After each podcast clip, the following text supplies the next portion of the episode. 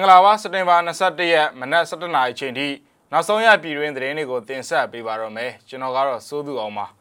ပန်းနိုင်ကိုရောက်ဖို့ရေမန်းချက်တူတဲ့ဘဲအဖွဲ့အစည်းနဲ့မဆိုလက်သွဲလှုံ့ဆော်သွားမယ်လို့ KNU ကထုတ်ပြန်ပါတယ်။ဒဝဲနီးပညာတက္ကသိုလ်ဆရာမတယောက်ကိုစစ်ကောင်စီကဖမ်းဆီးသွားပါတယ်။ကြောက်ဆယ်မျိုးက EBC ရုံးကို KPDF ကမိုင်းစင်ဖောက်ခွဲခဲ့ပါတယ်။တပိတ်ချင်းမြို့နယ်ချောင်းကြီးကျွော်မှာလဲမိုင်းတဲတာဝါတိုင်း မိုင်းခွဲခံလိုက်ရပါတယ်။ကတာမြို့နယ်မှာ KIA နဲ့ PDF ပူးပေါင်းတိုက်လို့စစ်ကောင်စီတပ်သား40တေးကြောင်း UNG ကမနေ့ညကထုတ်ပြန်ပါတယ်။ခွတ်တောင်းတွန်တန်မိုးတူညာအစုံသက်တိုက်ပွဲဒိုးစင်နွဲကျွေးကြော်တန်နဲ့မန္တလေးမြို့ကတက္ကသိုလ်ကျောင်းသားများတမကကခြိတက်ဆန္ဒထုတ်ဖော်ခဲ့ကြပါတယ်။မီတာကားတွေအတင်းအကျပ်ဖိအားပေးကောက်ခံနေတဲ့ကြောက်ဆယ်မျိုးက EBC ရုံးကို စက်တင်ဘာ20ရက်ည10:00နာရီကျော်မှာကြောက်ဆယ်ပြည်သူ့ကာကွယ်ရေးတပ်ဖွဲ့ KPDF ကမိုင်းစင်ဖောက်ခွဲခဲ့ကြောင်းသတင်းထုတ်ပြန်ပါတယ်။ကြောက်ဆယ်အပါအဝင်စင့်ကင်မြစ်သားတရားဦးမျိုးနယ်တွေမှာ EBC ဝန်ထမ်းတွေကိုမီတာကားတွေအတင်းအကျပ်ကောက်ခံနေပြီးမပေးဆောင်ရင်မီးဖြတ်မယ်လို့ပြည်သူတွေကိုအကြက်ကင်တဲ့သတင်းတွေကိုရရှိခဲ့တာကြောင့်လို့ဆိုပါတယ်။လျှက်စစ်မီတာအခွန်ငွေတွေဟာအမျိုးသားညီညွတ်ရေးအစိုးရကနေပြီး တရားဝင်ကင်းလုံခွင့်ပေးပြီးသားဖြစ်ကြောင်းကိုလည်း KPDF ကပြောပါတယ်။ဒါကြောင့်ကြောက်စဲခရိုင်အတွင်းကပြည်သူတွေအနေနဲ့ဘဲအခွန်ကိုမှပေးဆောင်တာမျိုးမလုပ်ဖို့နဲ့ EBC အပါအဝင်ဌာနဆိုင်ရာအသီးသီးကဝန်ထမ်းတွေလည်း CDM မှာပါဝင်ကြဖို့ကိုတိုက်တွန်းလိုက်ပါတယ်။ဒီအပြင်မှာစစ်ကောင်စီတပ်တွေနဲ့တောက်တိုင်တွေအနားမှာပြည်သူတွေမနေကြဖို့နဲ့တော်လန်ရေးရဲ့လိုအပ်ချက်ကြောင့်ပြုလုပ်ရတဲ့ကိစ္စရက်ဒီမှာအနောက်အရှက်တွေဖြစ်ပေါ်လာပါက ကြိုတင်တောင်းပန်ကြောင်းကိုလည်းကြောက်စဲ PDF ကရေးသားထုတ်ပြန်ခဲ့ပါတယ်ခင်ဗျာမန္တလေးတိုင်းဒေသကြီးတပိတ်ချင်းမြို့နယ်ချောင်းကြီးကျွော်အနောက်ဘက်တုတ်တန်နားမှာရှိတဲ့မိုင်းတဲတာဝါတိုင်းစနေပါ20ရက်နေ့ည6နာရီခွဲဝန်းကျင်ကမိုင်းခွဲဖျက်ဆီးခံရကြောင်းသိရပါတယ်မိုင်းခွဲတံမကြားခင်မှာရွာမှာလျှက်စင်ပြီးခဏပြတ်သွားသေးတယ်ပြီးပြတ်တဲ့အချိန်မှာပဲမိုင်းခွဲတံကြားလိုက်ရတာလို့ဒေသခံတယောက်ကပြောပါတယ်။ တာဝါရိုင်နားမှာတော့စစ်ကောင်စီတပ်တွေခြေရှုပ်နေပြီးချောင်းကြီးရဲခင်းစခန်းနဲ့အုပ်ချုပ်ရေးရုံးတို့မှာလည်းတပ်ဆွဲထားတယ်လို့သိရပါတယ်။တပည့်ချင်းမြို့နယ်မှာစစ်ကောင်စီအုပ်စုပိုင်းမိုင်းတဲတာဝါရိုင်ဖျက်ဆီးခံရတာဟာ၃ကြိမ်မြောက်ရှိပြီလို့လည်းသိရပါတယ်ခင်ဗျ။တဝဲနီးပညာတက္ကသိုလ် Electronic Engineer ဌာနကဆရာမဒေါ်နှင်းနန္နာအောင်ကိုအကြမ်းဖက်စစ်တပ်ကဖမ်းဆီးသွားပါတယ်စက်တင်ဘာ19ရက်ည10:00နာရီလောက်က ဒဝယ်မြို့ဘုံမော်ရက်ွက်ရှိသူမရဲ့နေအိမ်မှာလာရောက်ဖမ်းဆီးသွားတာလို့ဒဝယ်နီးပညာတက္ကသိုလ်ကျောင်းသားတမကကပြောပါတယ်ပြည်သူဝန်ထမ်းကောင်တက္ကသိုလ်ဆရာမတယောက်ကိုဒီလိုမျိုးဥပဒေမဲ့ဖမ်းဆီးတာကိုရှုံချကြောင်းကျောင်းသားတမကကထုတ်ပြန်လိုက်ပြီးမတရားဖမ်းဆီးခံရသူအလုံးကိုအကျွင်းမဲ့လွှတ်ပေးဖို့ကိုလည်းတောင်းဆိုလိုက်ပါတယ် အလားတူပဲဖမ်းဆီးခံရတဲ့ဆီယာမတော်နှင်းနန္နာအောင်ကိုပြန်လည်လွတ်မြောက်ရေးအတွက်အစွမ်းကုန်ကြိုးစားသွားမယ်လို့ဒဝဲနီးပညာတက္ကသိုလ်ကျောင်းသားတမကကဆိုပါတယ်။လက်တလောအထိတော့ဆီယာမောက်ကိုဘာကြောင့်ဖမ်းဆီးသွားတယ်ဆိုတာမသိရသေးကြောင်းသိရပါတယ်။ဖေဖိုင်တရနေ့အာနာသိန်းကြီးကစလို့ယနေ့အချိန်ထိဒဝဲနီးပညာတက္ကသိုလ်ကဖမ်းဆီးထိန်းသိမ်းခံရသူ73ယောက်တည်တည်ရှိပြီလို့လည်းသိရပါတယ်ခင်ဗျာ။ပြည်သူလူထုတွေရတဲ့အခွင့်အရေး ဒန်းသူညီများမှုကိုပိုင်ပြဋ္ဌာန်းခွင့်နဲ့ Federal Democracy တည်ဆောက်ရေးမူဝါဒလမ်းစဉ်အတိုင်းမိမိတို့ရဲ့ရည်မှန်းချက်ပန်းတိုင်အတိုင်းပြီးမြောက်အောင်မြင်တဲ့အထိရည်မှန်းချက်သူတဲ့ဘဲအဖွဲ့အစည်းနဲ့မဆိုလက်သွဲလှုပ်ဆောင်သွားမယ်လို့ KNU ကထုတ်ပြန်ပါတယ်။ရည်မှန်းချက်ပန်းတိုင်တွေအောင်မြင်ဖို့အတွက်ကမ္ဘာလူသားတိုင်းရဲ့အသက်အိုးအိမ်စီးစိမ်နဲ့ရှင်သန်မှုအသက်မိုးရန်ကြောင်းနဲ့လုံခြုံမှုအတွက်ကြိုးပမ်းအားထုတ်နေတဲ့ဘဲပုဂ္ဂိုလ်ဘဲအဖွဲ့အစည်းနဲ့မဆို လက်သွဲသွားမယ်လို့ကမ္ဘာငြိမ်းချမ်းရေးနေ့ကိုပေးပို့တဲ့တော်ဝင်လောင်မှာရေးသားခဲ့တာပါမိမိတို့နိုင်ငံသမိုင်းတစ်လျှောက်မှာမလုံခြုံမှုတွေစိုးရိမ်ကြောင်းကြမှုတွေအကြမ်းဖက်မှုတွေညှဉ်းဆဲတပ်ဖြတ်မှုတွေနဲ့ငြိမ်းချမ်းမှုကိုအသာအစီဖြစ်စေတဲ့တွေးခေါ်မှုတွေအပြုအမူတွေကိုထာဝစဉ်ကြုံတွေ့ခဲ့ရကြောင်းလဲဆိုပါတယ်။ဒါကြောင့်အကြမ်းဖက်မှုတွေနဲ့ဆက်ဆက်နေတဲ့အသွေးအခေါ်လှုပ်ဆောင်မှုတွေကိုတားဆီးကာကွယ်ပြီးပပျောက်အောင်အားထုတ်ရမယ်လို့လည်းပြောပါတယ်။ ဒီအတွက်သက်ဆိုင်ရာအဖွဲ့အစည်းခေါင်းဆောင်တွေမျိုးဆက်သစ်လူငယ်တွေရဲ့ပူးပေါင်းပါဝင်မှုအထူးလိုအပ်ကြောင်းနဲ့ KNU ကိုဖွဲ့စည်းခဲ့တဲ့အဓိကမူလရည်ရွယ်ချက်ဟာလည်းပြည်သူတွေရဲ့ရက်ရွာအသက်အိုးအိမ်စီးစိမ်နဲ့အသက်မဝမ်းကြောင်းမှုတွေကိုအကာအကွယ်ပေးဖို့ဖြစ်ကြောင်းသဝင်လွှာမှာရေးသားထားပါတယ်။ဒါဟာအသက်ရှင်သန်မှုနဲ့ပိုင်ဆိုင်မှုတွေကိုအကာအကွယ်ပေးတာဟာကမ္ဘာလူသားတိုင်းရဲ့မွေးရပါအခွင့်အရေးဖြစ်လို့ပြည်သူလူထုတွေ ရတဲ့အခွင့်အရေးဒန်းသူညီမျှမှု ကိုပိုင်ပြထောင်ခွင့်နဲ့ပန်းနိုင်ရောက်ဖို့ကိုရှီမန်းချက်တူတဲ့ဘဲအဖွဲ့အစည်းနဲ့မဆိုလက်သွဲလှုပ်ဆောင်သွားမယ်လို့ KNU ကထုတ်ပြန်ခဲ့တာလည်းဖြစ်ပါတယ်ခင်ဗျာ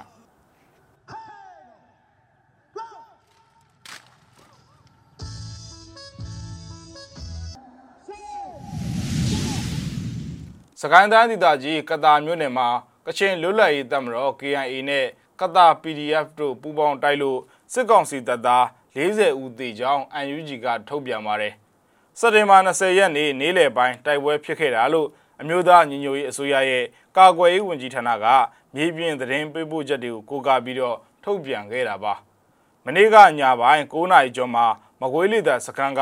တိုက်လေရင်9စင်းထက်မနေ့ကလည်းစေအုပ်စုတပ်သားတွေအကြအဆုံများနေတဲ့ကတာဘက်ကိုဦးတည်ထောက်ခွာသွားခဲ့ကြောင်းခေတ်သစ်မီဒီယာကလည်းဖော်ပြပါရယ်။အလားတူတနင်္လာရီတိုင်း ရေဖြူမြို့နယ်မော်ရဝရီရေတပ်စခန်းဌာနချုပ်ကိုကဲမှုအောက်ရှိ မောင်းမကန်ဗိုလ်ကျွန်းမှာတာဝန်ကျတဲ့တပ်သား9ယောက်ဟာလည်းစစ်တပ်ကနေစွန့်ခွာလာခဲ့ကြောင်း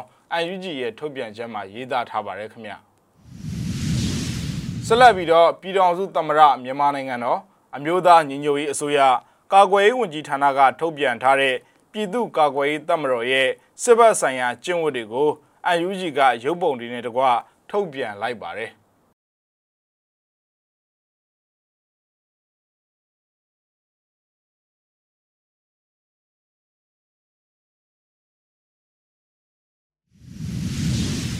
ကရင်အမျိုးသားကာကွယ်ရေးတပ်ဖွဲ့ KNDO တပ်ရင်းတစ်နယ်မြေမှာရပ်ပေါင်း20အတွင်းစစ်ကောင်စီတပ်နဲ့ KNDO တပ်ဖွဲ့အကြားတိုက်ပွဲ45ကြိမ်ဖြစ်ပွားလို့စစ်ကောင်စီဘက်က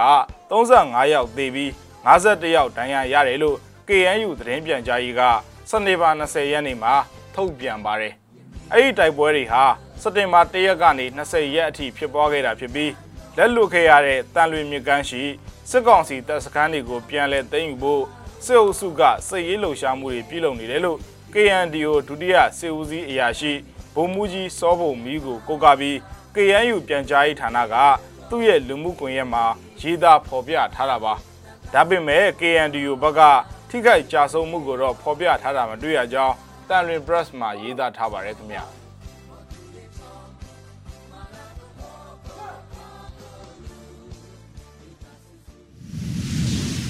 နှစ်ပေါင်း90အတွင်းစပိန်နိုင်ငံကနရီကျွန်းစုပေါ်က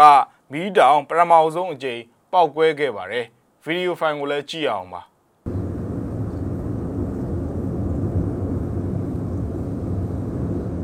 မာလာ19ရက်တနင်္ဂနွေနေ့မွန်းလွဲ3နာရီဝန်းကျင်ကစပိန်နိုင်ငံကနေရီကျွန်းစုပေါ်က ကူးပတိဗီယေခါမီးတောင်ဟာချောဤချောပြားတွေမီးကိုတွေပန်းထုတ်ခါပောက်ကွဲခဲ့တဲ့အတွက်လူ9000ခန့်ဟာနေအိမ်တွေကိုစွန့်ခွာထွက်ပြေးခဲ့ရပြီးနေအိမ်အလုံး20လောက်ပျက်စီးသွားခဲ့တယ်လို့ဒေတာရင်းအစိုးရပြောခွင့်ရပုဂ္ဂိုလ်က AFP ကိုပြောပါတယ်မပေါက်ကွဲခင်ရက်များအတွင်းငလျင်လှုပ်ရှားမှုအကျဉ်းရီတိုးတိုးလာတဲ့အတွက်အနီးနားကဒေသခံတွေကိုဘေးလွတ်ရာရွှေ့ပြောင်းကြဖို့အာဏာပိုင်တွေကညွှန်ကြားချက်ထုတ်ပြန်ခဲ့ပါတယ်။လွန်ခဲ့တဲ့နှစ်ပေါင်း90က ပောက်ကွဲခဲ့တဲ့အဆိုပါမီးတောင်ဟာလူဦးရေ8000နေထိုင်ရာလာပါမာကျွန်းတောင်ပိုင်းကကုန်းရိုးပေါ်မှာတည်ရှိပါတယ်။မီးတောင်ပောက်ကွဲရာဇုံနဲ့ဝေးရာမှာနေကြဖို့မလိုအပ်ပဲအရဲစွန့်တာတွေရှောင်ကြဖို့တတိပေးချက်ထုတ်ပြန်ထားတယ်လို့ဒေသခံအစိုးရအဖွဲ့ကဆိုပါတယ်။မီးတောင်ပောက်ကွဲရာဒေသမှာတစ်တော်ထူထပ်ပြီးလူနေကျဲပါတယ်လို့ Canary ကျွန်းစုဒေသအကြီးအကဲ Angel Victor Torres ကဆိုပါတယ် တနင်္ဂနွေနေ့ညနေပိုင်းမှာမီးတောင်ပောက်ကွဲမှုကိုနိုင်ငံပိုင်ရုပ်သံကနေတိုက်ရိုက်သတင်းတင်ဆက်ပေးခဲ့ပါတယ်။စပိန်ဝန်ကြီးချုပ် Debro Sanchez က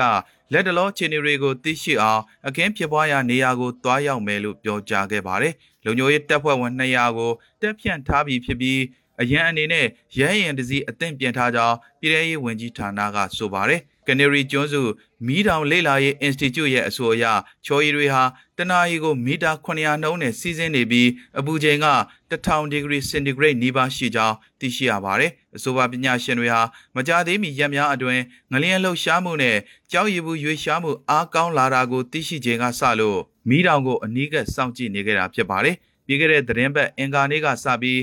အာဏာပိုင်တွေက မီးတောင်တဝိုက်ကဒေသတချို့မှာအရေးပေါ်တက်လက်မှုကိုအစိမ်းရောင်ကနေအဝါရောင်အဆင့်ထိတိုးမြင့်သတ်မှတ်ခဲ့ပါတယ်ဒုတိယအဆင့်အရေးပေါ်တက်လက်မှုအရာအရက်ဖက်ကာကွယ်ရေးဝန်ထမ်းတွေကအရေးပေါ်အခြေအနေကြီးညာပြီးဖြစ်လာနိုင်ခြေရှိတဲ့မီးတောင်ပောက်ကွဲမှုမတိုင်ခင်ကြိုတင်စီမံမှုတွေလှုပ်ထားကြဖို့လူထုကိုအသိပေးခဲ့ပါတယ်။လက်တလောထွက်လာတဲ့ကြောက်ရည်ပမာဏအနှဲငယ်ဟာမီးတောင်ကြီးကရေကန်ထဲကိုဝင်ရောက်လာချိန်မှာသိသာတဲ့မြေပြင်ဖွဲ့စည်းပုံပြည့်ရွံ့မှုတွေရှိလာကြောင်း Involgan မီးတောင်လေးလာရေး agency ကသတင်းထုတ်ပြန်ခဲ့ပါတယ်။လက်တလောငလျင်လှုပ်တဲ့အကျဉ်းရတိုးလာခြင်းဟာကုန်းပရိ VA ခါမီးတောင်လှုပ်ရှားနေပြီဆိုတာကိုဖော်ပြနေတာဖြစ်ပြီးလာပါမကျွန်းအောင်မှာကြောက်ရည်ဘူးတွေတိုးဝင်တဲ့ဖြစ်ရက်နဲ့တေချာပေါက်ဆက်နွယ်နေတယ်လို့အဆိုပါ agency ကဆိုပါတယ်ခွတ်တောင်းတွန်တန်မိုးသူညံအစုံသက်တိုက်ပွဲဒိုးစင်နွဲဆိုတဲ့ကျွေးကြော်တန်တွေနဲ့အစုံသက်တိုက်ပွဲဆင်နွှဲဖို့ ကျွေးကြော်ချီတက်ခဲ့ကြတဲ့မန္တလေးအခြေဆိုင်တက္ကသိုလ်ကျောင်းသားတမကများစစ်ကြောင်းဟာစက်တင်ဘာ22ရက်နေ့မနက်ပိုင်းချိန်ကမန္တလေးမြို့တွင်တနေရာမှာလမ်းလျှောက်ချီတက်ဆန္ဒပြခဲ့ကြပါတယ်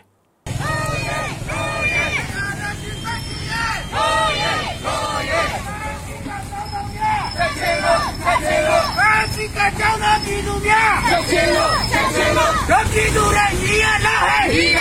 ညီရကြောင်းသား တောင်းတွေညီရလားဟဲ့ညီရ